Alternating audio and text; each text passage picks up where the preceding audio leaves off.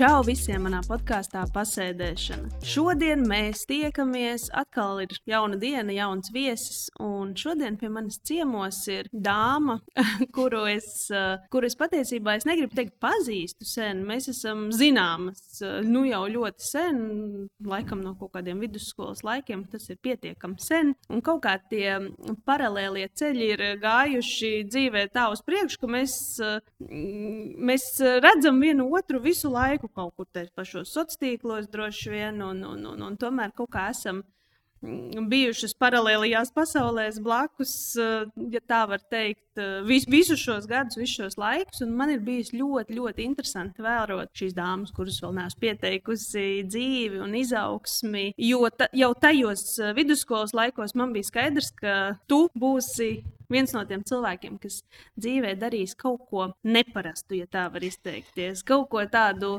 maģisku, varbūt kaut kādā ziņā. Un man šķiet, ka vismaz tā no malas vērojot, tā tas arī ir.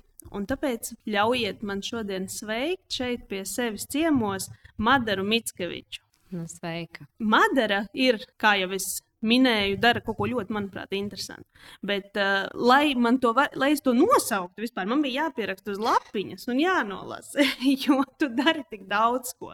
Tu tava, tavos aprakstos, uh, publiski pieejamos, ir teikt, ka tu esi teikts, ka tu esi certificēts sistēmiskais coach, supervizore, klīniskās garīgās aprūpes speciāliste. Ko tas viss nozīmē? Uh, jā, paldies par jautājumu. Man te radās arī jautājums, uh, klausoties pieteikumu, kā mēs jau vidusskolā varam zināt, ka tas cilvēks darīs kaut ko neparastu un maģisku, brīnišķīgu vārdu izvēli, bet pie tā varbūt jā. mēs varam atgriezties pēc tam. Nevar būt manā kontekstā, bet um, kā mēs vispār šos cilvēkus varam ieraudzīt, mm. uh, nu, kā mēs domājam, ko viņi darīs nākotnē. Uh, Bet jā, es pārstāvu plašu konsultējošo profesiju klāstu. Visās šajās profesijās, ko tu nosauci, ir savas līdzības. Tātad mm -hmm. um, Kaut kādā mērā tās ir palīdzošās profesijas, tas ir darbs ar cilvēkiem, un tā ir konsultēšana. Atsevišķos projektos un vietās arī ir mentorings, bet tā vairāk ir padomdošana, ar ko atšķiras. Coaching, mm -hmm. supervīzija un garīgā aprūpē tur padomiem nav vietas. Mm -hmm. Lai cik mēs ļoti gribētu tos dzirdēt. Mm -hmm. Un viens ir, mēs viņus gribam dzirdēt, bet kā tev, piemēram, kā, kā profesionālim, vai tev gribās dot šos padomus tur, kur tu skaidri zini, ka tu tā kā varētu teikt, nedrīksti viņus dot. Jā, mēs, pie, mēs pirms šīs sarunas runājām nedaudz par to, kas ir tava auditorija, kas Jā. ir šie cilvēki, kas klausās. Un jāatzīst, ka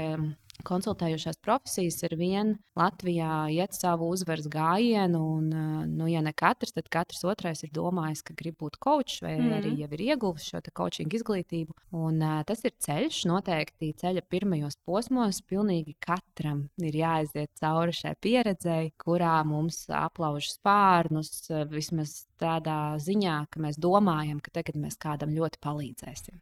Mm -hmm. Un tad mēs sākam ar tiem saviem ieteikumiem. Nu, jā, vai vispār kopumā. Nu, mm -hmm. Mēs tagad esam kļuvuši par uh, konsultējošo profesiju pārstāvi, un tagad mēs izglābsim mm -hmm. un palīdzēsim. Bet tā realitāte jau ir tāda, ka visbiežāk šiem cilvēkiem nevajag palīdzību. Mm. Tā ir uh, vilšanās numur divi, nu, un tad vilšanās numur viens ir, jā, ka tomēr es tos padomus nevaru dot. Un tad uh, tur atsijājās viena daļa, kuri saprot, kuri, kuri labāk tomēr grib uh, vadīt un uh, valdīt un skaldīt un, un padomus dot, tad uh, tie nepaliek šajās profesijās, vai mm -hmm. arī viņi paliek par uh, mentoriem vai nu, jebkāda cita veida darbā arī ar cilvēkiem. Nu, un tie, kuri paliek šajā konsultējošā profesijā, mēģina izzināt, ko tad īsti, piemēram, es mēģinu izzināt par sevi, ko man nozīmē palīdzēt. Mm -hmm. Un tas ir smagākais ceļš, jo tas nozīmē arī to, ka man ir jāsaprot, ko man nozīmē palīdzību pieņemt. Jā. Vai ka kāds man palīdz. Mm -hmm. Nu, un skaidrojot šīs attiecības savā dzīvē, var rasties uh, dažādi pārsteigumi. piemēram. Nu, piemēram, ka es saprotu, ka man ļoti grūti pieņemt palīdzību, bet Jā. es kaut kā esmu nonākusi palīdzošajās profesijās, ka šausmīgi gribu palīdzēt visiem. Jā. Tā vai, vai gluži nesnāk tā, ka tā ir kaut kāda upura loma mazliet, kas mums, man, manuprāt, Latvijā ir diezgan daudziem ērti ieņemama loma. Un pat atzīt to, ka es dzīvoju tādā upur, upurītī mūžīgi, vai, vai tas nav kaut kā ar to arī saistīts, ja tas ir, tas ir kaut kas pavisam cits. Nu, upurim man rodas cita asociācija, ka upuris tiešā veidā ir saistīts ar atbildības uzņemšanos. Mm -hmm. Un, uh, tas vairāk raksturo arī mani kā klientu. Nu, es tad eju pie profesionāļa, un es gribu, lai viņš manu dzīvi sakārto. Uh, nu, tad es viņam varu teikt, nu, tu mani iedvesmo, tu man iemāci, tu man nosauc padomus, bet nu, es vadu arī organizācijām, uzņēmumos apmācības. Un strādājot šajā pieaugušo apmācību laukā, es neticu vairs, kā varam mēs iemācīt kādam mm -hmm. kādu, nu, mēs varam iemācīt teoriju pēc būtības uh, vai definīcijas, bet ja mēs tur neieliekam pieredzi iekšā, mm -hmm. mēs nespējam nu, nekādu ilgstošu efektu nodrošināt. Un, jā, un ja mēs ejam kā klienti vai terapijā, vai coachingā, vai supervīzijā, un sagaidām, ka mums tagad kāds ļoti ieliks mutītē to, ko mēs gribam, mm -hmm. tad tas tā nenotiks. Jo šie profesiju pārstāvji, konsultējošie profesiju pārstāvji aicina klientu uzņemties atbildību pašu par saviem lēmumiem. Mm -hmm. Un Tas ir tikai tāds līdzgaitnieks ceļā, tāds asistents, kurš varbūt izgaismo tās aklās zonas, eh, ko es neredzu savā dzīvē un savā pieredzē. Un tad man ir kāds cilvēks blakus, kurš var pateikt, eh, hei, man no malas izskatās, ka tev varbūt ir tāds domāšanas veids, ko tu par to domā, vai tu esi gatavs mm -hmm. ar to strādāt vai kaut ko darīt. Un, ja mm -hmm. klients pasakā, nē, es neesmu gatavs šo cilvēku vai šo aiztikt, tad uh, nav manā varā to mainīt. Mm -hmm. Un tā arī visticamāk nav tava atbildība. Teiksim, mm. tā, jā. Un kā piemēram atšķirās uh, terapeiti, psihologi no, no, no kočiem? Jo es saprotu, ka kočiem tomēr arī ir dažādi novirzieni, tāpat kā arī terapeiti specializējās. Nu, katrs tomēr atrod tos kaut kādu savu sev tuvāko nišu, un, un, un droši vien arī tās izglītības, tad attiecīgi nepieciešams dažādas. Nu, kā es kā cilvēks, nonākot kaut kādās dzīves krustcelēs, varu saprast, vai man, manam ceļam būtu jāved pie koča vai arī kā vispār saprast, kāds tas kočs ir vajadzīgs. Un, un arī tad es uzreiz turpināšu tādu garu jautājumu, kā novērtēt, vai, vai, vai konkrēti tie koči, uz kuriem es skatos, jo viskaļākie koči, es nezinu, vai ir vislabākie, vispubliskākie vienmēr. Kā saprast, vai kas man ir vajadzīgs? Terapeits, psihologs, kočs Un kā novērtēt, izvērtēt, kurš tad ir tas, kurš vispār ir profesionāls, būt mana ceļa līdzgaitnieks? Mm -hmm. Jā, es pierakstīju, mēģināšu adresēt abus jautājumus. Ar ko lielākoties atšķirās terapija no coachinga? Terapijā skats ir uh, pagātne līdz tagadnei, mm -hmm. un tad uh, dažreiz nākotnē. Es pie terapeita esmu gājusi, tad, kad man ir bijusi akūta krīzes situācija, nu, tā, tādā tautsvaldā runājot, vienkārši lai nesajuktu prātā. Mm -hmm. Coach savukārt eh, strādā principā tagadne, nākotne. Mm -hmm. Un coachingu sauc par agresīvu uh, konsultēšanas veidu, tāpēc ka coachinga metodas paredz to, ka šī atbildība tiek uzņemta nu, principā nekavējoties, cilvēks uzņems atbildību un ir gatavs veidot plānu, uh, izvirzīt sev mērķus un tos uh, bez mhm. ierunām sasniegt. Uh, nu, strādājot, protams, tālāk pa šo pirmo līmeni, ir skaidrs, ka tas tik viegli viss nenotiek. Jo tas iemesls, kāpēc mēs vispār izvirzam šos mērķus un gribam sasniegt to, ko mēs gribam sasniegt, bieži vien mums nav labākais variants. Un mums nav veselīgākais variants. Mm -hmm. Tur, protams, var palīdzēt terapija, un nereti arī šis process notiek paralēli. Mm -hmm. Tātad coachings var notikt paralēli ar terapiju, Un savukārt supervīzija tas ir vēl viens cits fokus. Ja coachings ir vairāk par privātiem jautājumiem, par manu personīgo dzīvi, tad supervīzija ir par profesionālo mm -hmm. izaugsmi. Un supervīzijā savukārt tas nav par konkrētu mērķu sasniegšanu, bet arī var būt. Bet supervīzijā uzsvars ir uz procesu. Nu, tātad, kā, kādus procesus es kā darbinieks piedzīvoju savā darba vietā, arī tad, ja es esmu individuāls uzņēmējs mm -hmm. vai eju tikai savu pašnodarbinātā ceļu, arī tad ir šie, šie profesionālās identitātes jautājumi.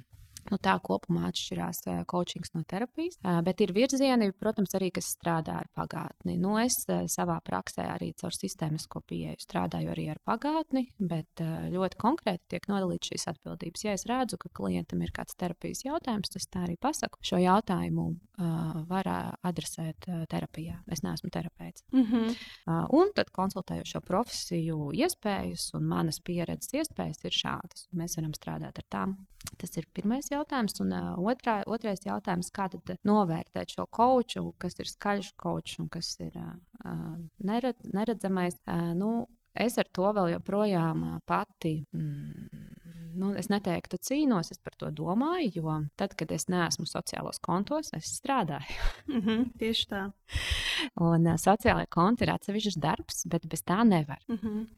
Un uh, vēl uh, man personīgi, bet tas ir mans jautājums. Uh, skaidrs, ka no mārketinga viedokļa ir ļoti konkrēti jānodefinē savus piedāvājumus. Mm -hmm. Jo cilvēks psiholoģiski grib gatavus pakas, gatavus rezultātus, gatavus problēmas. Tikai starpība ir tā, ka uh, mēs kā speciālisti to nevaram piedāvāt. Mm -hmm. Un, bet ir tādi, kas taču piedāvā. Jā. Un, Maratoni, kursi. Nu, maratona ir citādāk. Nu, tur ir kaut kādi fiziskie rezultāti. Protams, mm -hmm. nu, ja rodas kaut kāda trauma vai, vai kas, tad uh, to ir iespējams pielāgot. Bet um, tāpēc um, nu, tā, tas, kā tu to tagad pasniedz, kaut ko mēs pieminējām pirms mm -hmm. tam, maratona un kursi, kāpēc es vairs neizmantoju vārdu coach savā CV, mm -hmm. bet uh, savā pieteikumā. Tad, kad es lasu lekcijas, vadu nodarbības meistarklases, kočs eh, Latvijā ir eh, ļoti aizspriedumiem ir, vīts. Apvīts, jau mītisks process. Un ir atsevišķas auditorijas, piemēram, pedagoģa auditorija, kur, ar kuriem es strādāju es pasniedzu sociālo emocionālo prasmju treniņus un vadu sociālo emocionālo prasmju treneru kursus. Mm -hmm. Un uh, skolotājiem es savukārt uh, vadu nodarbības uh, par šīm sociālajām emocionālām prasmēm, un uh, sociālais risks ir vardarbības un mobbinga mazināšana skolā, mm -hmm. bet arī darba vidē. Tas eh, ar to nodarbojas mans sociālais uzņēmums. Un, eh, savukārt, es esmu vairākas reizes eh, šādie, šajās meistarklasēs nu, saukusi. Es esmu supervizore, coach, kliniskās garīgās aprūpes speciālists nu, un vadu nodarbību par sociālajām emocionālām prasmēm, kam nav nekāda sakara ar coachingu. Ja? Mm -hmm. nu, nekāda. un pēc nodarbības es saņemu atsauksmi.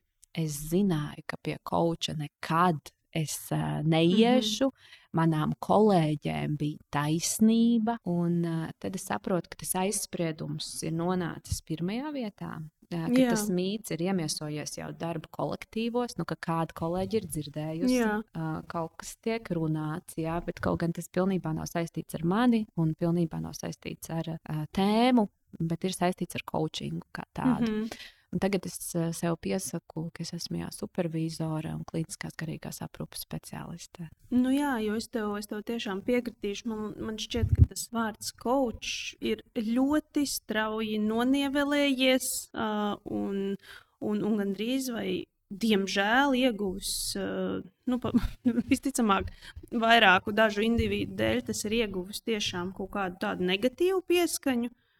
Jo pēc būtības kočs ir ļoti vērtīga lieta, vērtīgs cilvēks.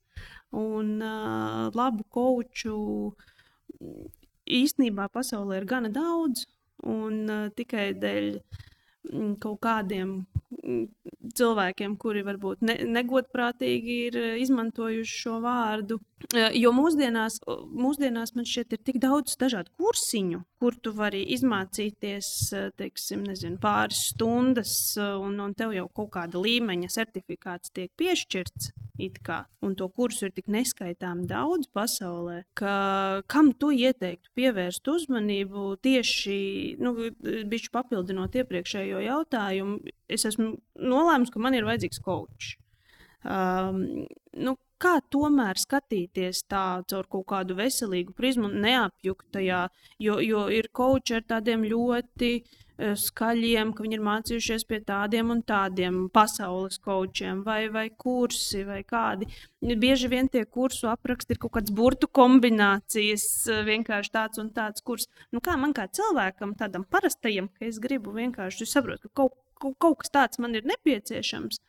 Um, ka, nu, kā man saprast, kurš tomēr ir tas uh, izglītības papīrītis, ko man jāsties? Ma maģistri, doktori, vai tie tomēr var būt kaut kādi kursi, kas kaut ko, kaut ko vai tas ir kaut kāds nostrādātās stundas? Kas ir tas, kam man jāpievērš uzmanība? Jā, nu ir oficiāla atbilde, un tad ir reāla atbilde. Un, un man ir divas. No nu, oficiāla atbilde, protams, ir organizācijas, starptautiskas coaching organizācijas. ICF ir viena no tām. Tur mm -hmm. ir mhm. stundu skaits, tur ir ACC, PCC, un to visu var atrast, uh, informāciju sameklēt. Un, uh, drīzāk tas jautājums ir uh, cits, kāpēc es meklēju coachu vai kādu atbalsta personu. Tas ir viens mm -hmm. jautājums. Nu, piemēram, nosauc kādu no iemesliem, kas tev nāk prātā? Nezinu, nepatīk mans darbs, bet nesaprotu, ko darīt tālāk un kā vispār, ko vispār kā būt. Mm -hmm. Nu, jā. Nu, tas varētu būt gan supervīzijas, gan coaching jautājums, un procesi būs atšķirīgi. Lai gan supervīzija izmanto arī coaching tehnikas un otrādi.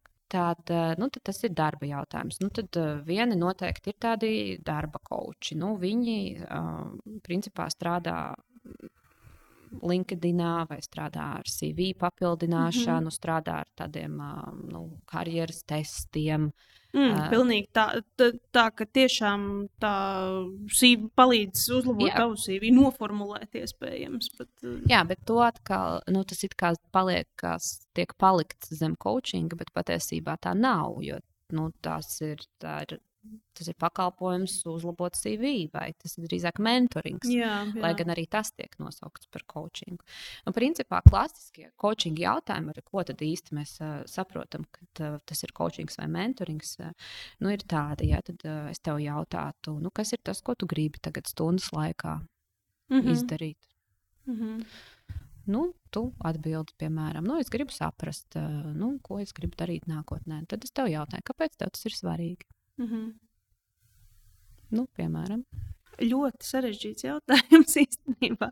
Jo, um, bet nē, nu, tā atbilde manā šajā gadījumā visticamāk būtu, tāpēc, ka es vienmēr esmu bijis cilvēks, kas zina, ko grib darīt, bet pēkšņi dzīvē es esmu nonākusi tādā situācijā, tādos apstākļos. Visi mani ceļi ir aizveduši līdz situācijai, kuras nezinu, ko es, kas ir mans nāk, nākošais solis, loģiskais. Un es, es vienkārši tā, tāds absolūts iesprūdums, tas, ko es esmu darījis iepriekš, vai es prieku nesagādāju Kaut arī līdz šim varbūt sagādājis, bet uh, nezinu, kam ir jābūt nākošajiem soļiem un kur, kā, kur tos meklēt. CV uztaisīt, protu, uh, mm. zinu savas it kā stiprās, vājās puses, bet uh, vai nu pietrūkst kaut kādas motivācijas vai drosmes, vai, vai es zinu, ka kaut ko gribu mainīt, bet nezinu, ko un kā.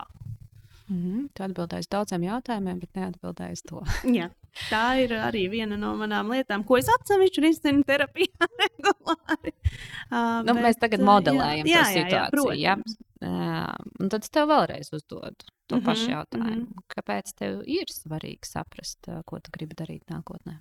Tad būtībā šādā veidā tu ved cilvēku diezgan viņam tā kā tu sākumā minēji, tas nav viegli. Vispār, jo šķiet, ka, protams, mēs šitā vis, visticamāk arī sēdētu to stundu, kamēr tu man uzdod vienu ne, bet ir vēl trešais tā, jautājums. Tu man uzdod visu stundu vienu un to pašu Jā. jautājumu, kamēr es izēju cauri visiem iespējamiem dusmu vai kaut kādiem, nu, es nezinu, visādiem triggerējošajiem brīžiem. Nu, es taču to tikko pateicu. Mm -hmm. vai, vai tu arī sastopies ar klientu dusmām šādā situācijā? Mm -hmm. nu, vai ne dusmā pret sevi, bet nu, tā, ka viņš varbūt pats sadusmojās uz sevi. Es pat nezinu, kā to. Jā, nu, protams, ir dažādi stāvokļi, un, un šis var būt arī tas izšķirošais brīdis, kad klients arī saprot, ka viņš nav gatavs uzņemties atbildību, mm -hmm. nu, ka viņš ir iekritis varbūt tajā upurī, kā iepriekš tu minēji, bet tie var būt arī citi stāvokļi, un ka viņš. Um, nav gatavs pats tam patiesībā pievērst lielu uzmanību un rīkoties. Jo tad trešais jautājums ir, nu, tātad pirmais jautājums ir, mums ir stunda. Jā. Ko tu vēlies? Nevis es nosaku, kas notiks pēc stundas, bet klients nosaka. Mm -hmm. Tad otrs ir, kāpēc tas ir svarīgi. Tā ir dziļā motivācija. Mm -hmm. Jo dziļā motivācija kalpos vienmēr kā tāds ankurs vai kā tāda cerība. Nu, tā ir tā, kas ir tā skaistā un labā, parasti, nu, kas notur to spēku virzīties uz mērķi. Un trešais jautājums ir, kā tu zināsi, mm -hmm. ka tagad tu zini, ko tu gribi darīt nākotnē? Tas ir ļoti labs jautājums. Un tie ir kriteriji. Jā. Un tas varbūt ir tāds desmit sesiju mērķis, nu, piemēram, ja? tas ir lielais mērķis, pie kā mēs strādājam desmit sesijas. Un tad es to jautāju vēlreiz, un kas ir iespējams stundas laikā. Mm -hmm. Un vai uz to vispār ir iespējamas atbildes īstas? Jā. Un, un, un kas, ka, uh, kas nosaka to, vai tu esi saņēmis, nu, to, vai, vai tu esi saņēmis atbildi uz šo jautājumu? Īsto atbildi. Vai to pats cilvēks kaut kā tev signalizē vai saprot? Jo nu, es pieņemu, ka nav viena pareizā kaut kāda atbilde, ko tu gaidi, vai ir? Mm -mm, nē, katram tā atbilde būs cita, un tā atbilde var būt arī tāda, ka es nezinu. Un tad nākamais jautājums, labi, kas ir tas, ko tu zini? Mm -hmm. un, protams, ka tās ir prasmes, no aktīvā klausīšanās, ķermeņa valoda, un tad atkarībā no manas pieredzes un zināšanu bāzes ir klienti, kuri ievelk mūs savās sistēmās arī kā speciālistus. Un, es varu trāpīt uz nu, savām, saviem kaut kādiem jautājumiem, savām traumām. Piemēram, es gribu tam klientam izpatikt. Es neesmu gatava sastapties ar klienta dusmām, kā tu minēji, mm -hmm. ja, jo, piemēram, savā dzīvē, savā ģimenē es esmu visu laiku gribējis būt labā meitene. Mm -hmm. ja, un es neesmu gatava. Es zinu, ka, ja es tam klientam paprasīšu vēl trešo reizi, viņš man izslēgs zūmu vai izies pa durvīm vai izmetīs mani yeah. no, no kabineta. Es zinu, kad uh, atbildes neesmu saņēmusi, bet neesmu arī gatava sastapties ar klienta emocijām. Nu, tad es tam klientam varu būvēt skaistas sapņu pilis, kuras nekad netiks realizētas. Mm -hmm. Es viņu varu turēt, un uh, viņš man var maksāt, un viņam var patikt, es viņu varu apkalpot. Viņš katru reizi aiziet tik priecīgs, tik iedvesmots, bet nu, tas nav coachings, tā nav izaugsme, tas nav nekas. Mm -hmm. Klients vienkārši labi pavada laiku, pa, pašapmierinās. Um, mm. Es nezinu, vai to vārdu var izmantot, bet nu, tā principā ir tā kā tāda masturbācija. Mm. Mm. Nu, tas ir tāds mākslīgi uzturēts process, kas arī ir vērtīgs. Es tieši gribēju jautāt, vai varbūt beigu galā ir cilvēki, kam tieši tas arī izrādās ir tas vajadzīgais. Jā, un ir arī speciālisti, kuri ir gatavi to nodrošināt. Un tā ir katra paša speciālista identitāte. Es zinu, ka es priekš sevis, lai es gūtu gandarījumu par savu darbu, to nevaru. Tāpēc es klientiem arī mm -hmm. atsaku. Nu, es saku, es neesmu īstais speciālists, vai es nevaru šādi turpināt. Mums sadarbība ir jāpārtrauc, es varu palīdzēt atrast citu speciālistu. Nu, ko tu, piemēram, saki par šiem uh, publiskajiem, nu, mēs jau pieskārāmies tiem visiem maratoniem un tam līdzīgi. Uh, gan uh, skaļajiem saukļiem, ka tiks mainīta cilvēku dzīve. Ļoti, ļoti populārs un, un arī jau, nu, jau ar tādu ironisku piebil, piesitienu ir vārds manifestācija un, un, un dažādi šādas lietas. Un kā tu tu skaties uz šādiem tomēr tādiem piedāvājumiem, jo tie arī ir koči ar kaut kādiem certifikātiem un skaļiem kaut kādiem vārdiem, pasniedzēju vārdiem apakšā un, un, un, un, un tādiem. Es gan uz tiem vairāk kā parasti tādiem public speaking motivatoriem, iedvesmotājiem skatos, kas, uh, pret ko man pēc būtības nav nekāda iebilduma. Pati daudz podkāstus klausos. Bet, um, Jo dažreiz viss, kas ir vajadzīgs, ir tā iedvesma. Nu, nav tā kā drusciņi gribās iet ārā, paskriet, bet nu, kaut kas vēl trūkst. Tad tu noklausies to kaut kādu foršu treneru, cik tu labi jutīsies. Tas ir tas, tas, kas viss tev ir bijis vajadzīgs. Mm, bet eh, kā tu skaties tomēr uz šiem solījumiem? Nopirksiet šo kursu desmit nezinu, dienas, 30 dienas, un, un, un, un, un tev nauda sāks parādīties no kurienes tikai tāpēc, ka tu domāsi pareizi. Vai, un kas ir vispār tas pareizi? Nu, es uz to skatos kā uz mārketingu. Mm -hmm. ir produkts, ir cilvēki, kas to ir gatavi pirkt. Nauda ir labs mehānisms, kā atkal aicināt uzņemties atbildību. Tad, protams, ka cilvēkam motivācija palielinās, ja viņš ir samaksājis kaut kādu zināmu mm -hmm. naudas summu. Iespējams, kaut kādā proporcijā, jo lielāku, jo labāk ka nu, es savus pakalpojumus bez maksas vairs nepiedāvāju, bet, mm -hmm. nu, mhm. lai uzsāktu savu kaut kādu darbību, protams, tā, tā ir arī laba pieredze. Uh, nu, iedvesmotāji ir cita kategorija, un es ticu, ka pieciem līdz desmit, nu, teiksim, diviem, varbūt līdz astoņiem procentiem cilvēku tas ir tieši tas, kas ir vajadzīgs. Mm -hmm. Un uh, ir, nu, manā praksē tie varbūt ir tuvāk tiem diviem procentiem, uh, kuri tiešām ir spējuši sasniegt ļoti daudz īsā laikā tieši šī coaching rezultātā, bet atkal nu, tas ir tāds nežēlīgs, jo, uh, nežēlīgs veids, jo pēc tā straujās augšupejas uh, sekos uh, kritiens lejā. Nu, tad, kad vairs nav šī atbalsta vai nav šī mm -hmm. iedvesmotāja. Nu, tur ir daudz paralēlē jautājumi nu, kādam mērķim mums kalpo tā iedvesma, un bieži vien uh, Nu, tas ir. Jā, nu es labāk paklausos kādā citā, nevis pats rīkojos. Jo nu, skat, nu, tā rīkošanās jau ir sāpīga, un grūta, mm -hmm. un nežēlīga un skarba. Vai nes augļus, jā, nenoliedzami.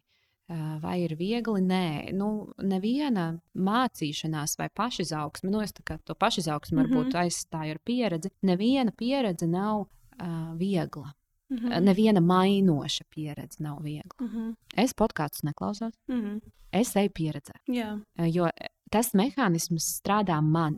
Ja es par kaut ko domāju, tā piemēram, es garīgajā aprūpē sāku darboties, es savus jautājumus aizgāju aplūkot reāli aci pret aci. Nu, tajā brīdī tas bija mans bailes no nāves. Mm -hmm. Es aizgāju skatīties bailēm no nāves acīs. Mm -hmm. Aizgāju skatīties slimnīcā acīs. Uh, nu, es, piemēram, zinu, ka es tur gribu izmēģināt kaut kādu jaunu uzstāšanās formātu. Mm -hmm. Es to pamēģinu, nevis domāju par to desmit gadus. Un tad es pēc tās pieredzes skatos, kas ir bijis tas rezultāts. Um, pat ja es esmu saņēmusi kritiku, eh, protams, ka eh, darot kaut kādas jaunas, sabiedrībā nepieņemtas eh, lietas, es zinu, ka es saņemšu kritiku, ka es kādam nepatikšu. Atkal tas manam labās meitenes tēlam to tēlu iznīcina. Ļoti pazīstams. Tas ir tāpat kā jā. vadīt grupas, mm, mm. apmācību grupas, konsultēšanas grupas. Ja vēl es varu viens pret viens mēģināt apkalpot šo vienu cilvēku, Mm -hmm. nu, pat ja es gribētu, nu, es varētu noslēgt sesiju tā, ka es tagad visiem šausmīgi patīku. Tas nebūtu coaching, vai tas nebūtu palīdzība, nebūtu mm -hmm. atbalsts, bet es to varētu izdarīt. Ar grupu to nav iespējams izdarīt. Tāpēc, ka grupā būs vienmēr 10%, kuriem nu, tas ir gada mans pētījums no vairāk kā tūkstotis atsauksmēm, 10% ļoti patiks tas, ko es daru, nu, 5 līdz 10, 5 līdz 10 riepsies, tas, ko es mm -hmm. tur mhm. tikko izdarīju, un pārējie pa vidu, nu, tad viņi tur būs vairāk vai mazāk apmierināti ar to procesu. Bet es ejot grupā, jau zinu, ka es desmit procentiem riepšos. Un kā tu, kā tava iekšējā labā meitene, kurai vienmēr jābūt perfektai, teiksim tā, kā, kā, kā tu ar to sadzīvo?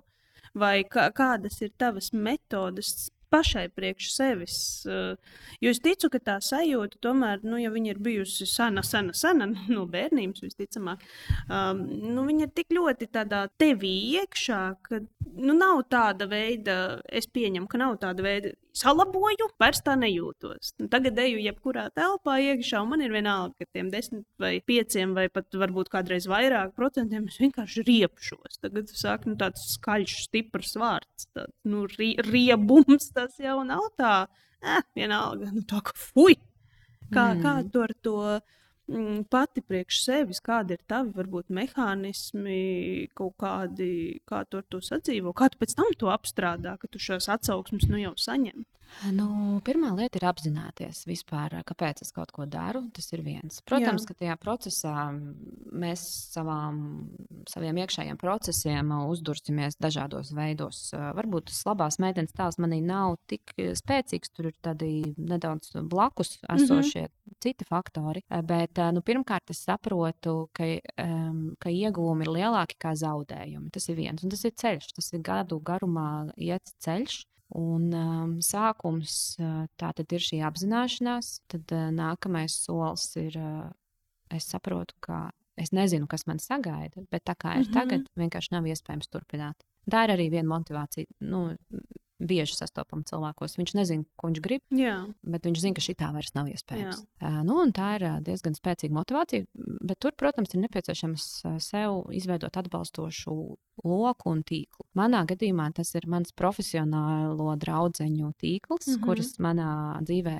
ir parādījušās mūsu ceļi ir krustojušies, un uh, tikai ar viņu atbalstu, citādiem skatu punktiem, es varu dalīties uh, nu, savā sajūtās, savos pārdzīvojumos un saņemt atbalstu, cilvēcisku un profesionālu atbalstu. Uh, un tas ir tāds konsultējošo profesiju liels iegūms. Es uzskatu, ka katram vajadzētu supervizoru, ka, mm -hmm. nu, ja ne koču, tad supervizoru noteikti. Jo, nu, mēs nevaram darīt savu darbu profesionāli, visu laiku apšaubot sevi. Vai, nu, protams, mm -hmm. ka jā, es saprotu, ka desmit gadus es neesmu saskāries ne ar vienu izaicinošu situāciju. Tad jautājums ir, nu, kāpēc? Ko tad es tieši, tieši apkalpoju, lai tik izmisīgi paliktu savā komforta zonā? Bet tas būs atkarīgs no personības tipiem. Protams, ir tādi tipi, kas dzīvo tādā pašsaglabāšanās kūniņā, 5, 10 un ilgāk gadus. Bet mans atbrīvojošākais moments bija tas, ka es arī esmu piedzīvojis, ka man ir bijuši cilvēki apkārt eh, nu, kuri um, vai nu man ienīst, vai nu dievina. Nu, mm. Tad viens ir, ja jūs arī dzirdat savā dzīvē, ka kāds jums saka, es gribu būt tāds kā tu. Yeah. Es gribu darīt to, ko tu, es gribu dzīvot tā, kā tu dzīvo, vai arī man riebjas nu, tas, nu, ko, nu, ko tu tur dari. Vai, nu, to parasti nesaka, bet vienkārši es prasu tiešām simtiem nu, jau tūkstošiem atsauksmju par savu darbu, mm -hmm. pēc katras lekcijas, pēc katra tāda publiska pasākuma. Un tad tur ir daži tādi emocijās balstīti. Bet, nu, principā, jā, es vadu pasākumu, kurā man nav pazīstami cilvēki. Mm -hmm. Un, ja es saņemu pēc uh, 45 minūtēm ļoti emocionāli E, ļoti emocionālu atgriezenisko saiti, kas skar vērtības, piemēram, ka cilvēks ir juties aizvainots vai pazemots, mm -hmm. tad skaidrs, ka tas nav par mani. Mm -hmm. Tad skaidrs, ka mana klātbūtne ir projicējusi kaut kādu refleksu tajā cilvēkā. Vai tas ir saistīts Jā. ar viņa dzīvi, vai ar viņa ģimeni. Jo nu, emocionāli un uh, fiziski nepazīstams cilvēks mūsos nevar izraisīt tādu reakciju, ja vien mēs neesam uzdūrušies mm -hmm. kaut kādai savai traumai, vai savai uh, nu, projekcijai, vai nu, kaut Jā. kam savam. Un tas ir viens no veidiem, kādā atpazīt, um, nu, vai tiešām tiesam, tas ir par mums. Jā vai tas ir kaut kas, ko mēs esam atspoguļojuši sevī. Mm -hmm. uh, tas ir viens. Uh, un, un otra lieta, man bija tāda viena performance uz skatuves, un tur atkal tas atbalsta lokus man parādījās. Man bija kursa biedrene, kura saka, es kāpšu tajā konferencē ar tevi uz skatuves. Mm -hmm. un, man, es esmu cilvēks, un tev noteikti tas būs pazīstams, kuram viss vajag pēc plāna. Yeah. Un, nu, es varbūt neesmu neju sekundžu galējībās nē, nē, vai nu, minūšu, jā. Jā, bet, nu, man, bet man vajag slaidus, jā, jā, jā. ko es teikšu, ko es darīšu. Mums bija konference, un es sapratu, ka tie apstākļi tā, tā izveidojās. Un ir tādas dažas domas vai idejas, kas mums ienāk prātā, un, ja mums ir pietiekami Jā. daudz resursu, mēs tās varam arī kaut kādā veidā adresēt vai attiecināt. Un es rakstu tesē kursu biedrenē, klau, kāps ir manas skatuves bez plāna. Vispār bez plāna. Mm -hmm. Tā būs tiešraide. Mm -hmm. Skatīsies vēl, desmit vēl tūkstoši cilvēku. Jā. Tā ir oficiāla konference. Labi, pieturs punkts. Es sapratu, ka man tomēr kaut kādu karkas vajag. Tomēr, jā, nu, ka kaut kādu. Kādu un es uztaisīju četrus slaidus. Mm -hmm. Mēs uztaisījām to kā tādu improvizāciju. Mm -hmm. Un pēc tam es nokāpu no skatuves, un pēc tam vēl saņēmu atgriezenisko saiti no savām citām kolēģiem, WhatsApp ziņās, kas bija redzējušas un noskatījušās. Un, un tad bija man tāda kolēģe, kura pēc tās uzstāšanās mēs tur gaitenī aprunājāmies, un viņa saka man, Madara, es no tevis biju gaidījusi kaut ko vairāk. Es tiešām cerēju, ka tu aizies un ka tu pateiksi nu, kaut ko tādu, Mm -hmm. Bet uh, es esmu vīlusies tevī. Arī ļoti skaļi vārdi. Un tas bija acīs. Mm -hmm. Bet pats interesantākais, kas tajā brīdī notika, tajā brīdī izšķīda pilnīgi visas manas bailes. Mm -hmm. Jo es sapratu, tas ir sliktākais, kas var notikt manam ego. Kāds man var pateikt, ka es no tevis gaidīju vairāk, ka tu mani neiedvesmoja tādā veidā, kādā es būtu gribējusi, un ka es tevi esmu vīlēs. Bet mana iekšējā sajūta vienkārši gavilēja. Un tajā brīdī, un es vēl divas nedēļas dzīvoju tajā sajūtā, un tajā brīdī man likās, ka es varu pilnīgi visu uz šīs pasaules. Visu. Un tas pie tevis atnāca caur ļoti tādu. Es pilnīgi klausījos, man tas netika šoreiz, pat šoreiz tas netika man veltīts, bet tā kā tu stāstīji, un es uzreiz, protams, iztēlojos sevi tajā situācijā. Un Mana personīga dabiskā tāda sajūta, reakcija visticamāk būtu divas nedēļas nevis dzīvot ar apziņu, ka es tagad varu visu, ka varbūt man vispār vajadzētu norakties un nekad mūžā vairs uz skatuves nekāpt, jo kāpēc gan, ko tad es neesmu, šis klasiskais, es neesmu pietiekami vērtīga, es neesmu pietiekami zinoša, un, un kāpēc es vispār te nācu, un, un, un, un tas, kā tu to pasniedzi un paskaidroji, šķiet tik ļoti loģiski. Bet tā primārā sajūta laikam vairumam cilvēku, nu nevar jau teikt, ka visiem. Mm, vairumam cilvēku droši vien būtu tā vēlme tiešām kaunā, kaunā sevi vēl vairāk, kā pazemot, varbūt, vai kaut kā tā. Nu, kā tomēr šādu sajūtu sevī trenēt? Kā, kā, vai, vai vienkārši ļoti daudz reizes uzdodot šo, sev šo jautājumu, kas ir sliktākais, kas var notikt? Nu, kā, nu, kā, kā uztrenēt sevi līdz tādam tomēr pašcieņai, es gribētu to savu. Nu, es atbildēšu pirms tam vēl uz to, kā tas tikko ilustrēja par to, ko, to, par ko mēs runājam. Un tieši tāpēc padomu došana nestrādā. Jā. Jo, ja es pateiktu, Paula, Tagad dari, Tagad da, dari tā, nesagatavo prezentāciju un uzstāj, uzstājies dzīvajā konferencē. Jā. Uh, nu, un beigās tas var beigties arī traģiski. Un kurš būs vainīgs? Nu, jā, viņa man tā teica. Nu, jā, tā tad tu vairs nekad pie manis neies, un nekad uh, man vairs neko nejautās. Tāpēc mm -hmm. padomi strādā varbūt tiem dažiem procentiem, kur, kuriem būs mans personības tips. Mm -hmm. Kuriem būs atbalsta lokus, kuriem būs līdzīgs intereses, kuriem, jā, jā. kuriem būs vide, kuriem būs atbalsts, kuriem būs šie cilvēki, kuri sajutīs to impulsu. Un, un, diemžēl, vai par laimi, mēs nevaram šo impulsu nodot. Mm -hmm. Un tāpēc ir būtiski saprast un noķert aiz rokas to cilvēku tajā dzīves brīdī, tur, kur viņš ir, un darīt labāko, kas ir iespējams tajā brīdī. Un tas ir arī garīgās aprūpes priekšnoteikums. Piemēram, slimnīcā, tad, kad sēž pie pacientiem, es neskatos, kādi viņi nav vai kādi viņi varētu būt. Vai mm -hmm. es nelieku viņiem virsū savas fantāzijas, bet es redzu viņus tādi, kādi viņi ir šobrīd, un nevis uh, kaili gultā, slimībā pie vadiem pieslēgti, bet uh, skatos uz viņu sirdi un dvēseli un uz viņu mm -hmm. resursiem brīžos, kad nav tie resursi. Un tā ir viena daļa, uh, kā tas arī konsultēšanā izpaužās. Bet kā tad adresēt šo pašapziņas jautājumu?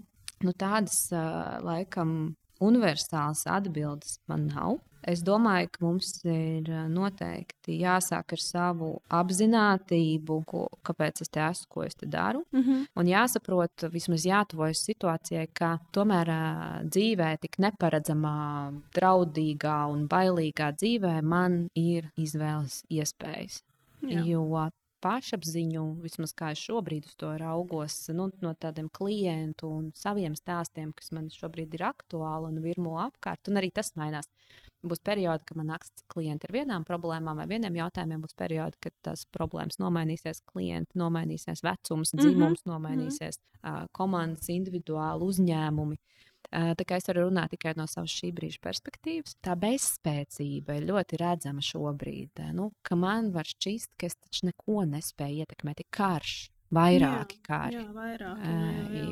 Bija Covid, mēs esam krīzē. Mēs vēl pie tam esam dzīvojuši. Mūsu ģeopolitiskā situācija paredz, ka mums nepārtraukti ir draudi. Mums ir vēl šis mantojums no paudzēm, kuras ir katra paudze piedzīvojušas vairākus kārus. Mēs mhm. nespējam mm -hmm no tā pat um, attēloties, kā man vienā pazīstama, nu jau laba uh, kolēģa, draudzene teica, ka viņa bija tā nav mana pieredze, bet uh, likās ļoti zīmīgs stāsts, ka viņa bija nu, retrītā Spānijā.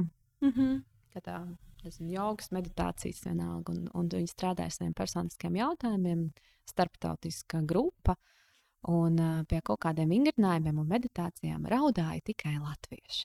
Mm -hmm. Un pārējie, nu, kas bija no citām Eiropas Jā. valstīm, ja Spānija, Itālija, Francija, saka, mēs vispār nesaprotam, par ko jūs raudat. Tur taču nekā Jā. sāpīga nav.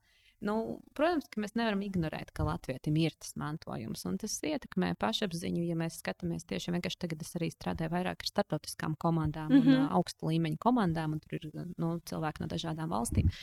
Nu, mēs nevaram prasīt, nu, ka mēs visi raudzīsimies vienādi, un tas Latvijai, mm -hmm. protams, nu, tad mentāli, nu, tā latviešu mentalitāte ir nu, ar savām iezīmēm. Tās nevar ignorēt. Bet saprast, ka mans partneris, mani bērni, mans darbs nedefinē mani pilnā mērā. Protams, mm -hmm. līdz robežai. Bet arī tur man ir izvēle. Tā ir mana dzīve.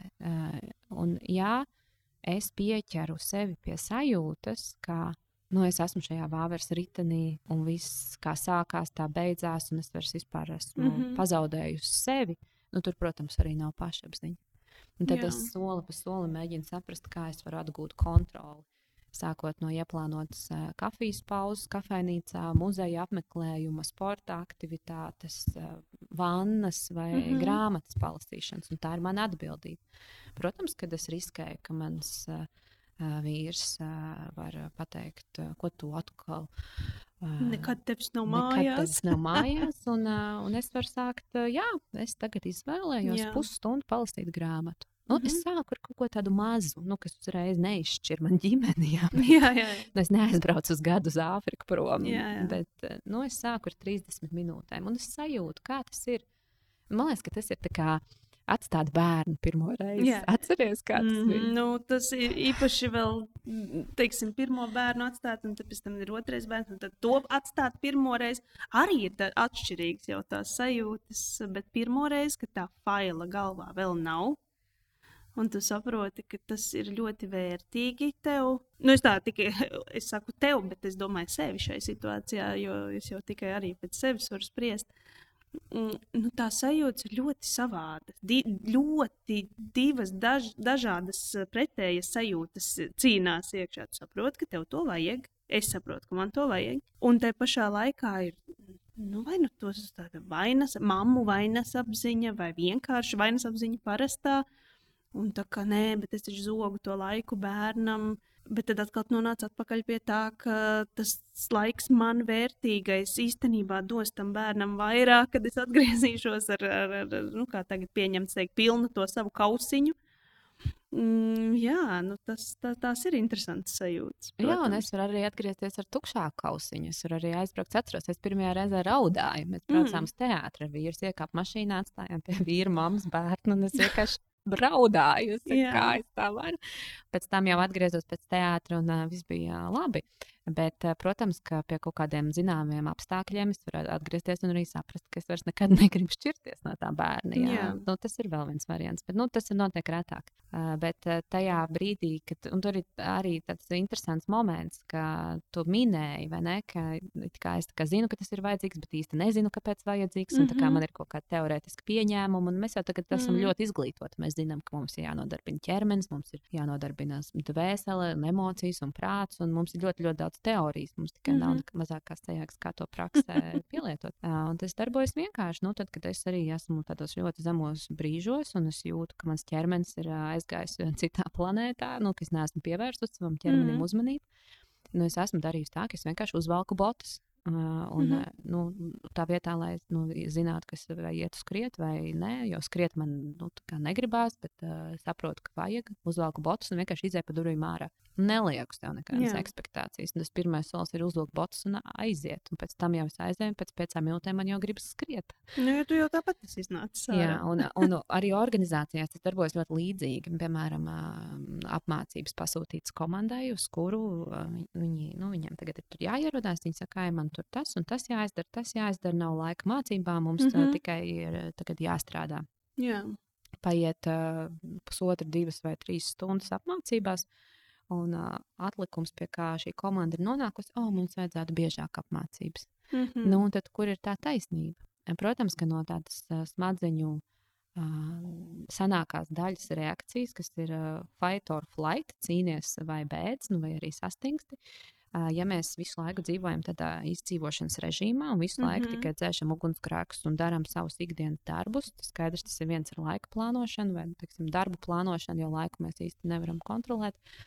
Um, bet otrs, tad, kad um, mūsu nu, psihoemocionālā uh, labsajūta ir ieguvusi kaut kādu atveidu pēc trīs stundām, piemēram, mācībās, drošā vidē. Jā. Rūpējoties par savu pašu izaugsmi, tad mēs saprotam, o, oh, šo vajadzētu biežāk mm -hmm, darīt. Mm -hmm. Vai tad, kad mēs aizejam uz teātri, mēs saprotam, o, oh, mums taču biežāk vajadzētu iet uz teātri.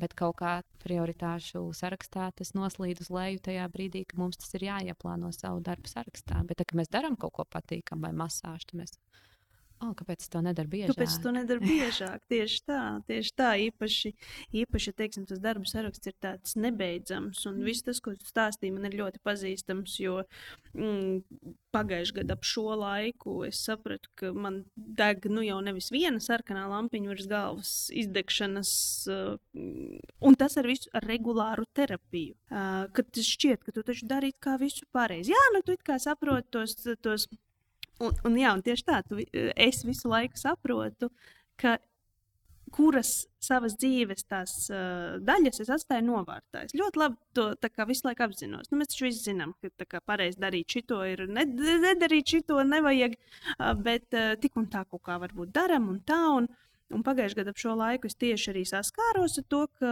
nedeg jau vairs viena izdegšanas lampiņa, bet nu jau tur vis, vis, vis, visas iespējamās lampiņas, kas, kuras var ieslēgties, jau sāk ieslēgties. Un, un, un, un tad arī ir tas mirklis, kad man, man tas bija tas mirklis, kad es sāku domāt, nu, ko man tagad ar šo informāciju darīt. Jo es sapratu, ka pat ar regulāru terapiju, ar it kā visu nu, pareizi darot, atstājot nu, tikai dažas kaut kādas lietiņas savā dzīvē, kas beigu galā izrādījās, esmu es pati un tādas pamatlietas, par kurās man būtu bijis jārūpējās. Nu, tad es saskāros ar diezgan tādu nu, pamatīgu izdegšanu. Man prieks, ka varbūt par to beidzot arī tā atsevišķi no depresijas runā. Jo, jo nesen pati klausījos citu sarunu, kur tieši bija par izdegšanu. Uh, Un, un, un, un tur bija tāds ļoti interesants tas punkts, ka visbiežāk cilvēki, nu, un arī tā visbiežāk esot statistiski, ka visbiežāk ir izdegšana un tad ir depresija. Bet varbūt būt arī otrādāk, nu, ka vispirms ir depresija un tad ir izdegšana. Bet manā situācijā nu, bija tieši tas punkts, kurā ir tā, sasniegt tas punkts, kurā nu, nu, viss ir jāmet nost. Vienkārši ir jāmet nost viss, kas, kas ir bijis tik ilgi, tik svarīgs. Bet uh, tā pārslodze varbūt vienā sfērā vai, nu, vai vairākās ir radījusi nu, tādus tos, nu, jau sarkanos karogus, nepievēršot uzmanību. Nu, tā kā tu minēji, uzvilkt botus, nevis laicīgi uzvilkt botus un iziet ārā. Pat nevis ar mērķi skriet. Bet iziet vienkārši ārā, vai, vai, vai nezinu, paņemt savu tās 30 minūtes tai savai grāmatai, uh, nu, aiz, aizved līdz tām sarkanajām visām iespējamajām lampiņām. Un tad jau nu, ir tas punkts, kur tu vienkārši nomet gandrīz visu. Un tad tas punkts jau savukārt ir diezgan kritisks. Un, um, lai to varbūt nedarītu, nu, lai līdz tādam nedavilktu, es gribēju te prasīt, ko tu ieteiktu, bet tu, tu teiksi, ka tu neko neieteiksi. Nu, man ir tikai tāds, protams, nu, kā censties. Reāli, jā, nu, vismaz. Nu, nu, pirmkārt, nu, es tādus nepopulārus viedokļus pārstīšu, bet nu, dažiem cilvēkiem ir jāizdeg. Jā. Nu, nu, tu, nu, tu, ne, nu, tu neredzi atcīt to kāju vienreiz, otrais, trešoreiz, beigās nu, nosties vai Jā. ar, nu, nu, smagi, smagi savainosies. Uh, bet uh, ir arī ļoti vēl joprojām daudz mīti. Mm -hmm. Gan par izdegšanu, gan par depresiju. Nē, esmu gan tieši specializējusies uh, šo stāvokļu risināšanā. Un, ja mm -hmm. tie ir klīniski, tad, protams, tā ir Jā. psihoterapija vai vismaz psihologs. Um, nu, ir iespējams izdegt, paņemt uh, garo slimības lapu un atgriezties tajā pašā darbā. Tas mm -hmm. ir mhm. viens. Tas ir iespējams. Nu, pastāv varbūt mīts, nu, ka tagad tas nekad vairs dzīvē. Protams, tas notiek rētāk, bet tas ir iespējams. Mm -hmm. Uh, nu, otrs, jā, protams, es dzīvu, un, un tas tā, tā apzināta izdegšana, iet to apzinātās izdegšanas mm -hmm. ceļu. Tas mm -hmm. ir vēl interesanti. Tas, kā jau es teicu, tas, ko es droši vien teicu, ka tu jau pa ceļam iedegās no, oranžā lampiņa. Ja tagad, mēs, ja, ja tagad mēs esam tik nenormāli advancēti visi un gudri, nu jā, mēs taču mēs atpazīstam. Jā, mēs atpazīstam. Un mēs tā kā atpazīstam, bet mēs tāpat turpinam uh, iet to ceļu. Un tas ir ļoti, ļoti interesants ceļš. Un, uh, es teiktu, enjoy, izbaudi. Mm -hmm. Enjoy the ride. un tā ir. Uh, jo, ja es to saprotu, um, es saprotu riskus, es saprotu iegūmus. Nu, varbūt riskus es tā kā pilnībā nesaprotu, jo es varbūt nezinu, cik mm -hmm. neforši ir slimnīcā būt jā. vai atrasties. Jā. Varbūt tajā brīdī es saprotu, ka nekad dzīvē es vairs to negribu. Un, protams, ir situācijas, kad uh, mēs to saprotam pa vēlu. Mm -hmm. Tā arī var būt. Bet, uh, lai, nu, mm, hei, nu, mums ir tik daudz pieredžu, stāstu dažādi, un ja mēs izvairītos no visa visu laiku, mēs arī nebūtu nu, mums nebūtu iespējams pilnvērtīgi dzīvot. Mm -hmm. Tāpēc es ticu kaut kādā mērā, ka mm, tās pieredzes, kam mēs ejam cauri, tās ir mūsu. Mēs tās izvēlamies apzināti vai neapzināti. Ja mēs mm -hmm. tās izvēlamies neapzināti, tad kaut kāds iemesls jau tam ir. Mēs to gribam vai mēs to negribam. Nu, tas ir viens. Um, bet uh, tādā vēl tāds interesants aspekts, ko pavērot pie tās apzinātās izdegšanas, man ir nu, divas lietas. Viens, es vienkārši visu laiku sev varu uzdot interesanti, ko labu man šī situācija dod, nu, tad es varu saprast, no es tomēr, ko es sev pierādu. Ja? Jo, ja es turpinu iet šo apzinātās izdegšanas ceļu, tas nozīmē, ka es sev varu pierādīt, es tomēr varu, es kādam pierādīšu. Tad jautājums, mm -hmm. kam es pierādīšu? Tad, piemēram, vīram vai darba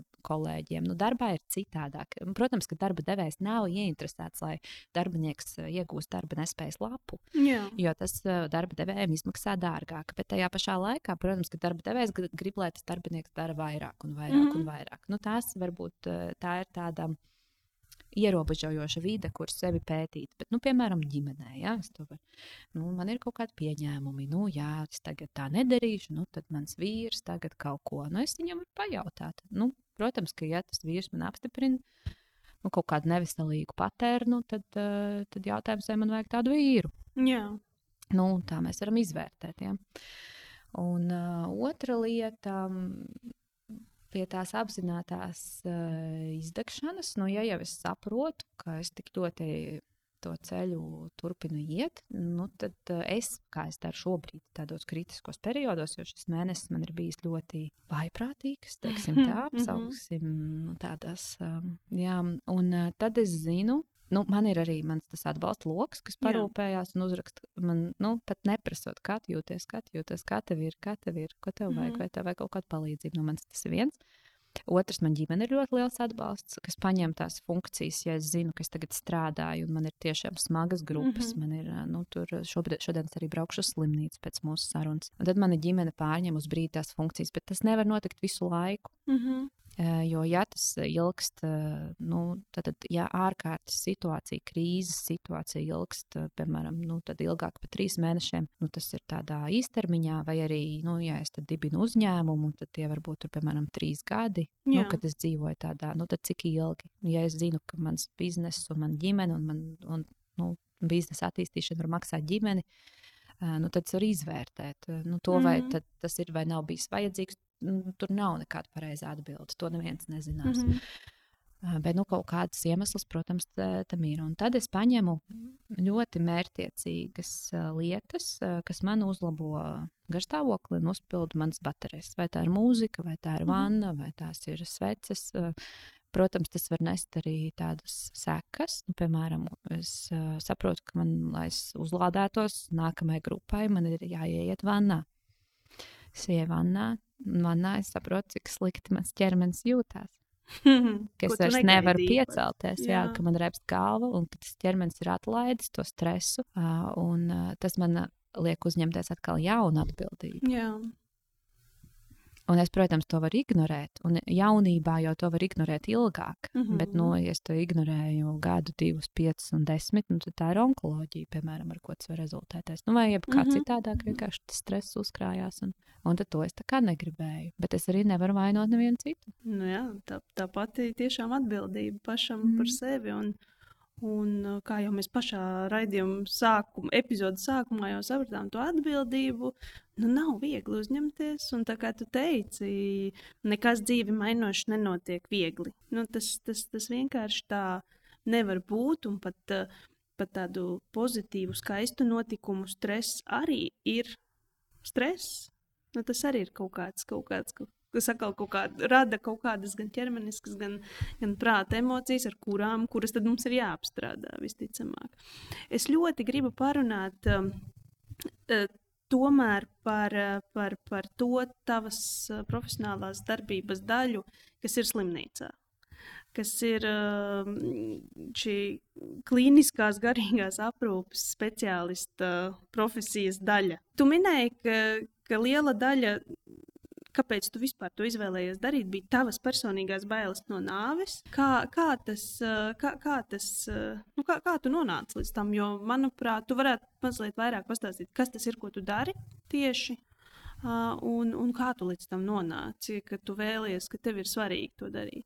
Nu tas, kas ir klīniskā garīgā aprūpe, tā ir garīga aprūpe slimnīcā, to sauc par kapelānu. Un tāpēc mm -hmm. tā ir klīniskā, jo kapelāni ir arī cietumos, Nacionālās bruņotos spēkos Jā. un dažādās citās institūcijās. Arī kapelānu profesiju apvīja mīti, jo teorētiski kapelānam ir jābūt ar kādu konfesionālo piedarību.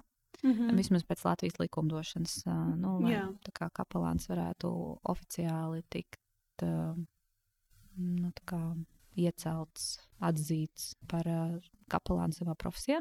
Bet praktiski, ko tas nozīmē, vismaz slimnīcā, kā es eju pie pacientiem palātās, kuri vai nu mirst, Mm -hmm. vai ir uzzinājuši terminētu diagnozi, piemēram, onkoloģisku saslimšanu, vai arī pēc reanimācijas, pēc operācijām. Mm -hmm. Mans kā kapelāna mērķis ir noskaidrot, kādā līmenī ir šī pacienta garīgais resurss.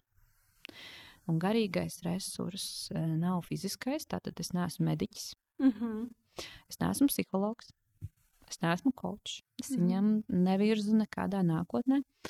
Bet uh, garīgais resurss tas ir uh, saprast, uh, nevis man saprast, uh, bet uh, šim cilvēkam uh, priekš sevis uh, saprast, kāda tad ir jēga, mm -hmm.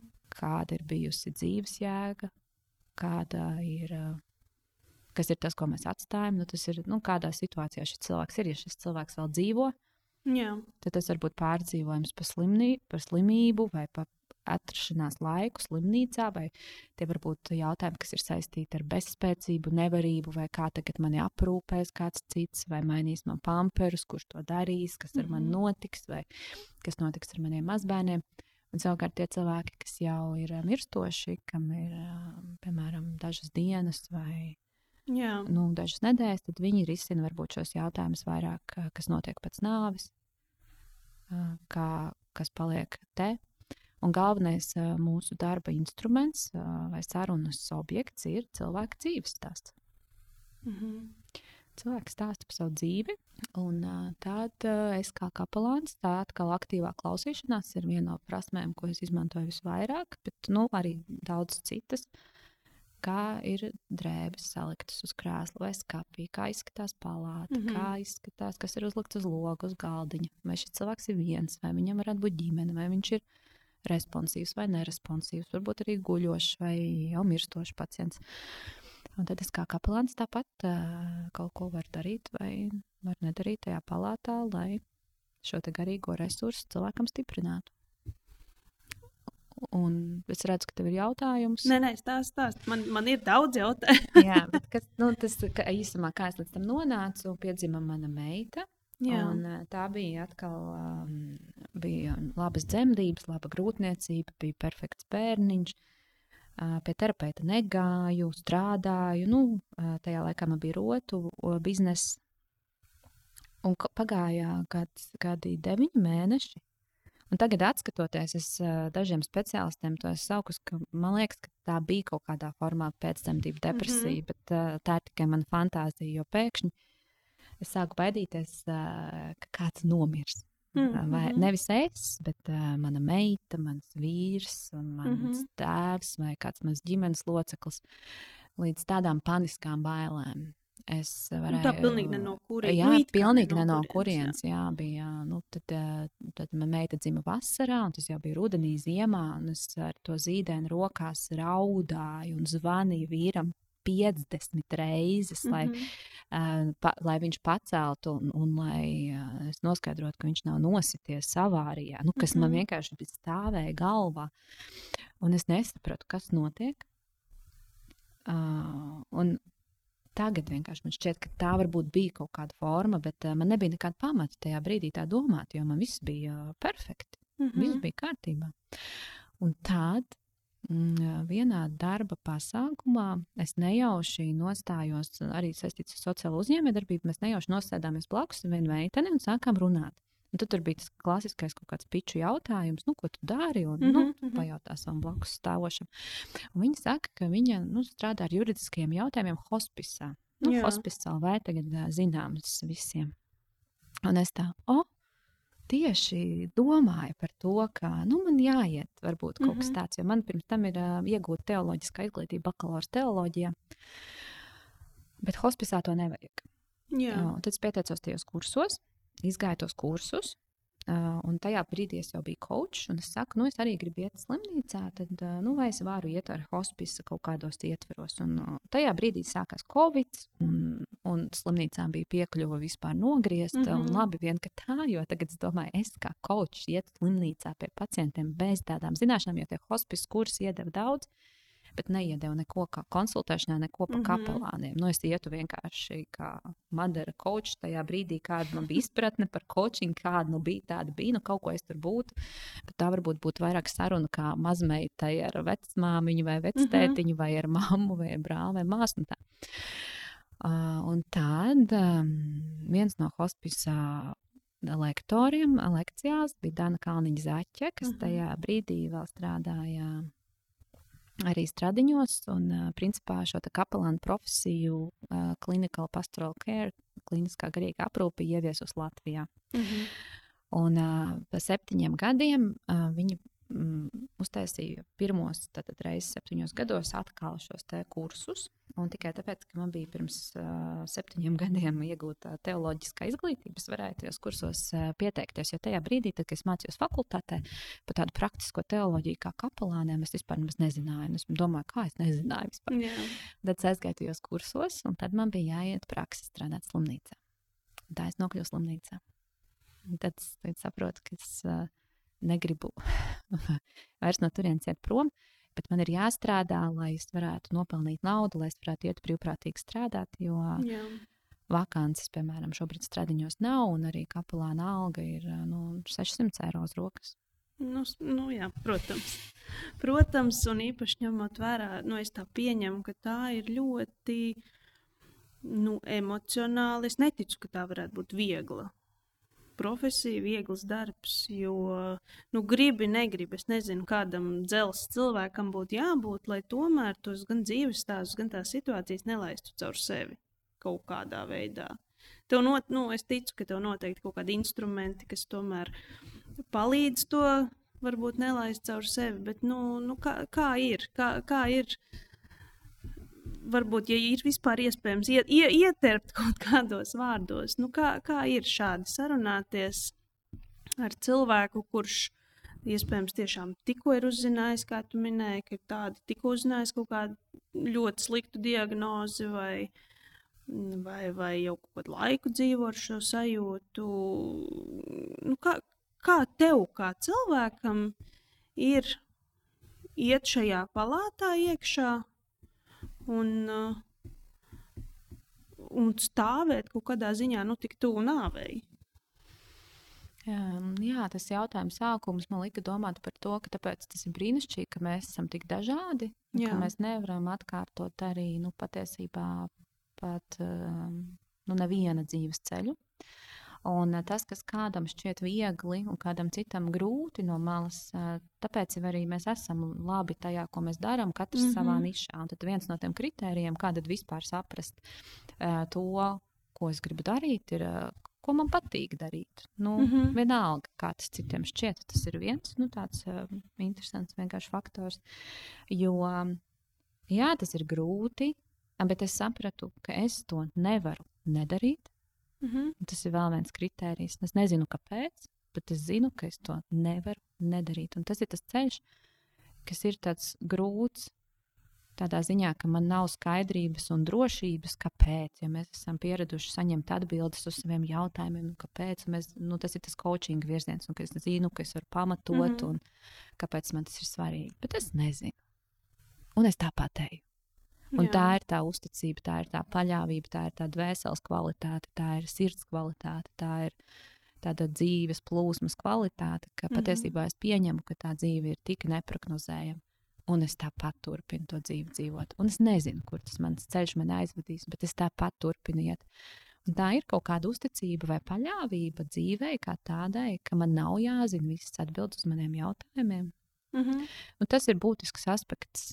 Nav racionāli izskaidrojams, bet to mēs varam sajust. Un ir dzīves situācijas, kurās mēs vienkārši varam sajust. Un mm -hmm. Mums nav racionāli paskaidrojumi, un nav jābūt. Un tiem racionālajiem cilvēkiem tas vienkārši ir kā nav. Mm -hmm. Bet tajā pašā laikā nu, tas ir fakts, tā nav kaut kāda mana fantāzija. Kā nelaist caur sevi? Uh, ir vairāki vingrinājumi, piemēram, ir empātijas žalūzijas, kas nozīmē to, ka, piemēram, tīpaši empātiskākiem sajūtu cilvēkiem, uh, nu, tu neieliec uzreiz to emociju baseinā, Jā. bet tu iemērci pirkstiņu. Mm -hmm. Tu patausti temperatūru. Tu patausti temperatūru, un tā tu sev vari norobežot. Tas varbūt ir saistībā ar cilvēkiem, kuri ir emocionāli tuvi un emocionāli piesaistīti. Un, protams, ka ar emocionāli piesaistītiem cilvēkiem tas visu padara vēl sarežģītāku. Tāpēc, mēs nespējam objektīvi raudzīties uz situāciju, jo tas mm -hmm. ir mūsu tēvs, māte, brālis vai mēs paši, ko mēs zaudēsim, vai kas ir saslimuši.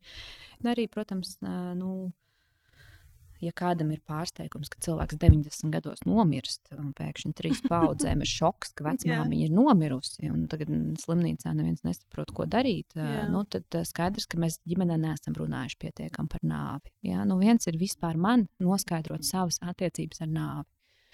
Un apzināties to savu mirstību, tas brīžiem vienkārši šķiet šokējoši. Jā. Bet, ja es runāju ar sevi, ko nozīmē man mirt, ko nozīmē bērniem, uh, Uh, nu, tagad man meita, viņai ir pieci gadi, viņa jau sāk prasīt, kas mm -hmm. ir mhm. nāve, un tagad Halloween nāk. Un... uh, nu tā, un tad, piemēram, viens saka, vīrs saka, ārprāts nē, nerunā. Uh, vai, piemēram, nu, bērni sāk spēlēties, un viens tur zārkā, viens mirst, un otrs tā roka. nu, tad vai mēs kā pieaugušie apturam šīs rotaļas, jo mēs nespējam tolerēt. Mm -hmm. Vai mēs vienkārši Jā. esam, un lai tas bērns tur mēģina saprast, un mēs esam blakus. Nu, tāds ir tas jautājums. Kā runāt ar cilvēkiem, nu vienkārši turpināt runāt. Dzīves stāsts noteikti ir viens no tiem, un mums viņiem nav jāstāsta nekas, kas notiks vai kā būs. Mums viņiem ir vienkārši jābūt blakus, mums vienkārši ir jāspēj būt blakus tajā grūtumā, bet mēs varam būt blakus tikai par tik, par cik mēs paši spējam būt ar savu grūtumu. Mm -hmm. Un, ja es zinu, ka, piemēram, mans kolēģis tagad ir saslims, un tie ir reāli pieredzes stāsti ar vēzi, Un kas notiek realitātē? To kolēģi neapzināti izslēdz visus kolektīvus, tāpēc ka neviens nesaprot, kā tagad šo jautājumu adresēt. Un beigās, un nevis tāpēc, ka mēs negribam, bet tāpēc, ka mēs nevaram. Un tas tikai nozīmē to, nu, cik lielā mērā mēs kā sabiedrība neesam gatavi runāt par to, ka mēs vispār kādreiz nomirsim. Mm -hmm. Un ne pat par nāvi, vienkārši arī par ikdienas jautājumiem, kā nu, um, no, pacelt ēst krūzi vai paēst pusdienas vai nu, svīst. Nu, jo, piemēram, ir kaut kādas slimības, kurām ir konkrēti simptomi. Nu, nu, un, un, ja es saprotu, ka man ir jāpārģērbjas dienas vidū, jo ir bijušas nu, kaut kāda sviedru um, epizode, un tas šķiet neērti, un, un tad neviens tagad nesaprot, kā to, to jautājumu adresēt. Uh, nu, bet tas lielākais, es domāju, ka mums jāsāk ar savām ģimenēm. Nu, mums jāsāk ar sevi, Mums mm -hmm. jāsaka savām ģimenēm, un mums jāsaprot, ja mums ir vecāki vai vecāki dzīvi, mēs prasām viņiem, mm -hmm. uh, ko jūs domājat par nāvi. Un tad mēs ievācam arī informāciju. Mēs, mums arī mūsu vecāku bērēs būs vieglāk. Es uzskatu tieši tāpat, jo pēdējā laikā, nu, es domāju, pēdējā gada laikā ja mūsu ģimenē arī šis nāves temats, eh, un, un arī hospisa aprūpe un, un, un, un visas šīs lietas kļuva ļoti, ļoti aktuālas. Mm, un eh, es sapratu, ka man ir, es nemaz nezināju iepriekš, ka man ir tik svarīgi īstenībā runāt par nāvi gan ar bērniem, jo viņiem savukārt rodās jautājumi, un tad es sapratu, ka es tā kā sāku neveikli izlocīties un atbildēt.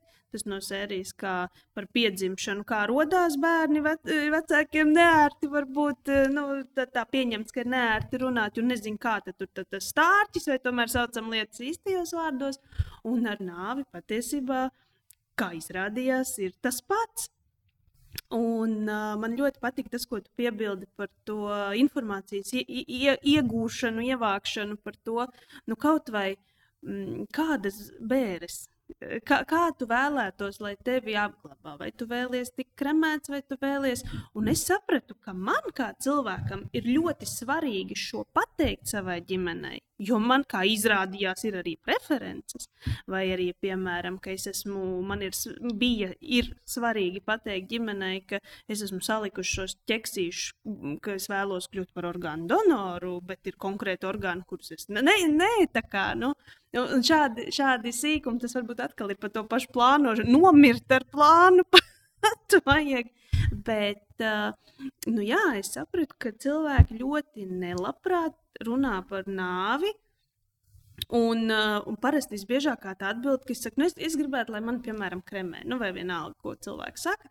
Un tad parasti atbild, nu, nu, ko tu, nu, ko tu, nu, ko tu par to runā tagad? Nu, kas tagad par to nav aktuāli runāt?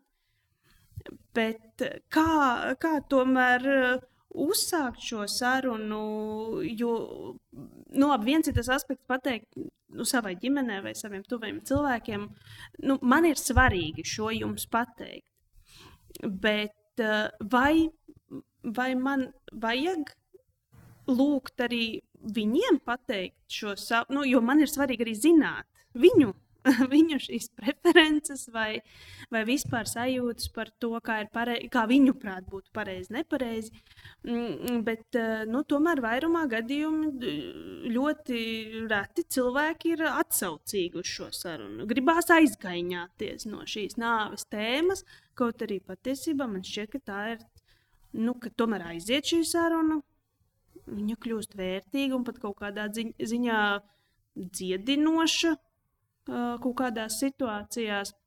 Nu, vai, vajag, vai vajag provocēt? Uz, pastāst, tu man arī, es gribu šitā, tu negribēji klausīties, es tev pastāstīju, tagad tu zini, bet es gribu zināt, arī lūdzu, pastāst man, vai, vai, vai gaidīt, ka cilvēks būs pats gatavs, vai, vai viņš varbūt nebūs nekad. Kā, vajag provocēt, vai nevajag provocēt uz šo sarunu? Nu, te ir daudz aspektu. Viens, ja es to daru, tad es saprotu, kāpēc es to daru, un tās mm -hmm. motivācijas ir dažādas. Nu, pirmkārt, man ir jāsaprot, no kādas vidas nāk mani vecāki un vecāki, lai es saprastu savus uzskatus. Nu, es Jā. jau nenokritu no gaisa, nu, es tomēr mm. izaugu tajā ģimenē, un, un es varu uzzināt daudz jaunas informācijas. Tas ir viens. Otrs, kā uzsākt sarunu. Vienmēr šādos jautājumos var uh, izdarīt uh, nekaitīgās trešās puses gājienu. Es -hmm. dzirdēju podkāstā pie Paulas, un es tā iedomājos, bet ne jau es. Bet es dzirdēju, viņas tur tā, tā runā, un es domāju, hmm, interesanti. Mm -hmm. ja? Un tad es noņemu no sevis atbildību, tīpaši tāds ģimenes, kurš tāds aizdomīgāks, nu, ka es tagad okšķerēšu vai kaut ko es ar to informāciju darīšu. Es varu mm -hmm. nu, viegli uzsākt sarunu, iz, izmantojot to, ka es tā dzirdēju un domāju, hmm, interesanti. Ja? Un, protams, ka, ja es zinu, ka mana nu, ģimene ir kaut kāda neirotiska vai psihotiska, vai, nu, tad, protams, mm -hmm. es neriskēju ar savu drošību. Nu, ja es varu dabūt lampu pa galvu vai nu, kaut ko tādu. Ja? Jā. Nu, tad tā vienkārši ir, jo nu, arī cilvēki realitātē, nu, citiem arī tajā nāves priekšā šie jautājumi ir svarīgi, citiem nav. Nu, citiem tās traumas vai tie jautājumi ir tik dziļi, izrādījušies, ka viņi nav, jaut, viņi nav spējīgi adresēt šos jautājumus pat pirms pašas nāves, tā ka stundas pirms nāves viņi nav gatavi runāt par mm -hmm. to, ko tas nozīmē. Tas arī ir ok. Man nav tas cilvēks jāizārda, jāuzplēš. Un, Tas arī gan uz konsultējušām profesijām attiecās, gan ko, ko nozīmē vispār palīdzēt. Ka man Jā. tagad šķiet, ka es tagad izārdīšu un izvilkšu, tā ir tā otra galējība. Mm -hmm. Laist pa augšu un apkalpot, vai arī tad raut ārā visu mm ar saknēm. Un tad man šķiet, ka es, ir tādi cilvēki tipi un arī mm, speciālisti tipi, kuri nu, ļoti precīzi var trāpīt tajā sāpīgajā vietā. Mm -hmm. Bet viens ir trāpīt sāpīgā vietā, otrs ir pēc tam to cilvēku nu, aizvērt nu, to, ko tu atrāvi vaļā. Jo, nu, kāpēc gan nu, vienkārši mums būtu kāds jāizvārda? Nu, tas mm -hmm. tā nestrādā. Uh, jā, un tāpēc nu, vienmēr man ir jāsaprot, kāda ir mana motivācija. Nu, slimnīcā, kā tas izskatās, nu, tas par to pašu vecmāmiņu. Ja trīs paudzes ir pie vecmāmiņas miršanas gultas šokā, ka cilvēkam ir jāmirst, mm -hmm. un viņi nekad, nekad dzīvē, ģimenē nav runājuši par šo jautājumu. Tad, protams, man kā kapelānam ir jautājums, nu, ko jūs stāstīsiet saviem bērniem? Jā. Nu, jums arī nu, kaut kad dzīvē būs jāmirst, un nu, ko jūs saviem nebeidzams cikls tas grozies, tas, kā gribi. Jā. Nu, nākamo pauģu vārdā. Jā. Uh, un gal galā tās sarunas par nāvi ir sarunas par dzīvi. Tas tāds mūsdienās, beidzamajā laikā Latvijas informācijas telpā tāds populārs teiciens, bet tā arī tas ir, jo ir atsevišķi mm -hmm. cilvēki, kas runā par nāvi, arī nu, tagad ir sākuši runāt arī publiski podkāstos un sarunās. Ir arī atbalsta grupas. Un kas tad ir arī tas kapelāna galvenais nu, tāds instruments, vispār arī tas ir tas dzīves stāsts un sarunas adresējot resursu. Mm -hmm un ko tas nozīmē. Resurss jau ir kaut kas, kas mums dod vēl jēgu dzīvot to laiku, tik cik mums ir. Nu, lai Jā. arī cik ir. Un tāpēc tā saruna par nāvi var vienkārši paaugstināt kvalitāti mūsu dzīvē. Mm -hmm. Un, ja tas ir mans fokus, un ja es varu adresēt to citādāk, es varu teikt, jā, labi, pie Paulas es dzirdēju, ka, nu, interesanti, ko jūs domājat par nāvi. Nu, katrs atsevišķi, nu, jo katram cilvēkam tas būs savs uzskats. Uh, mammai būs savs tētim, savs māsai, savs brālim, savs vecmāmiņai, vēl kaut kāds cits. Uh, un, un tad, ja kāds nobīstās no tā vārda nāve, tad es varu jautāt, uh, nu labi, bet uh, kāpēc ir vēr, nu, kāpēc jēga dzīvot? Nu, jā, tas ir tas pats jautājums, tas tikai jautājums. medaļas otra puse. Tad mm. es varu saprast, kurā posmā es attiecībā uz šo dzīves jēgas jautājumu atrodos. Nu, vai man tad ir kaut kas jādara citādāk, mm -hmm. vai mhm. patiesībā es jau katru dienu daru kaut ko, kādēļ ir vērts dzīvot?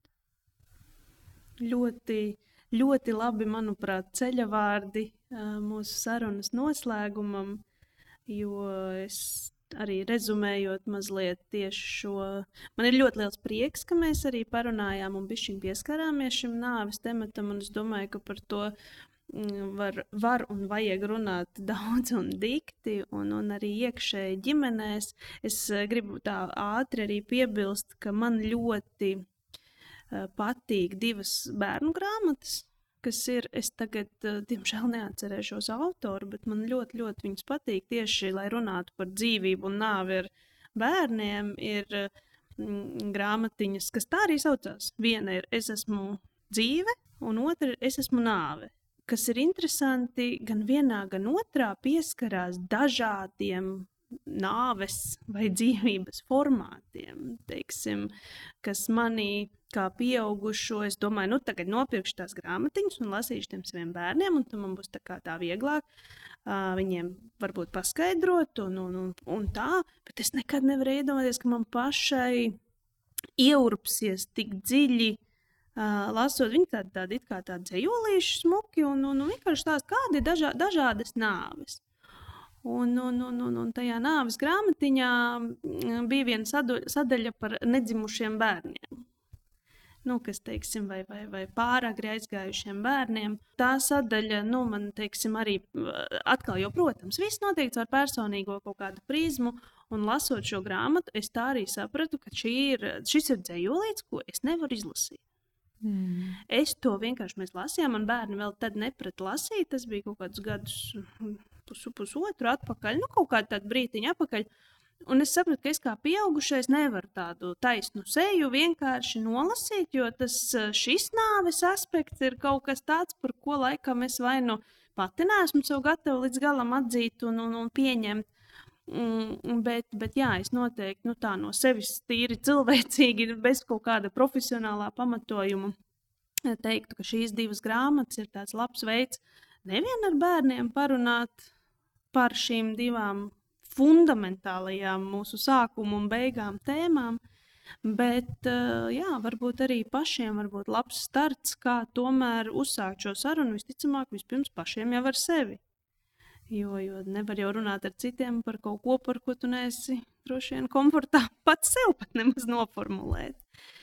Tā kā es domāju, Madara, ka mēs varētu runāt, nu, es noteikti tevi varētu klausīties stundām, un, un, un, un, un ir, ir tiešām ļoti interesanti un, un, un, un, un jē, sarunas ar jēgu. Tieši tāds ir manā podkāstā arī sauklis - sarunas par un ar jēgu un es nevarētu iedomāties vēl jēdzīgāku sarunu.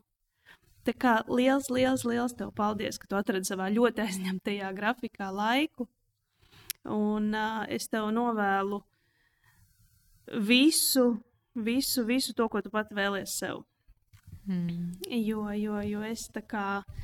Man jāsaka, godīgi, man pašai pēc šīs sarunas ir ļoti daudz ko padomāt. Un es tiešām ticu, ka mēs būsim pieskārušās tu būsi pieskārusies daudzām tēmām, kas cilvēkiem liks padomāt par savas dzīves jēgu. Paldies, tev liels un uz tikšanos! Paldies! Tev.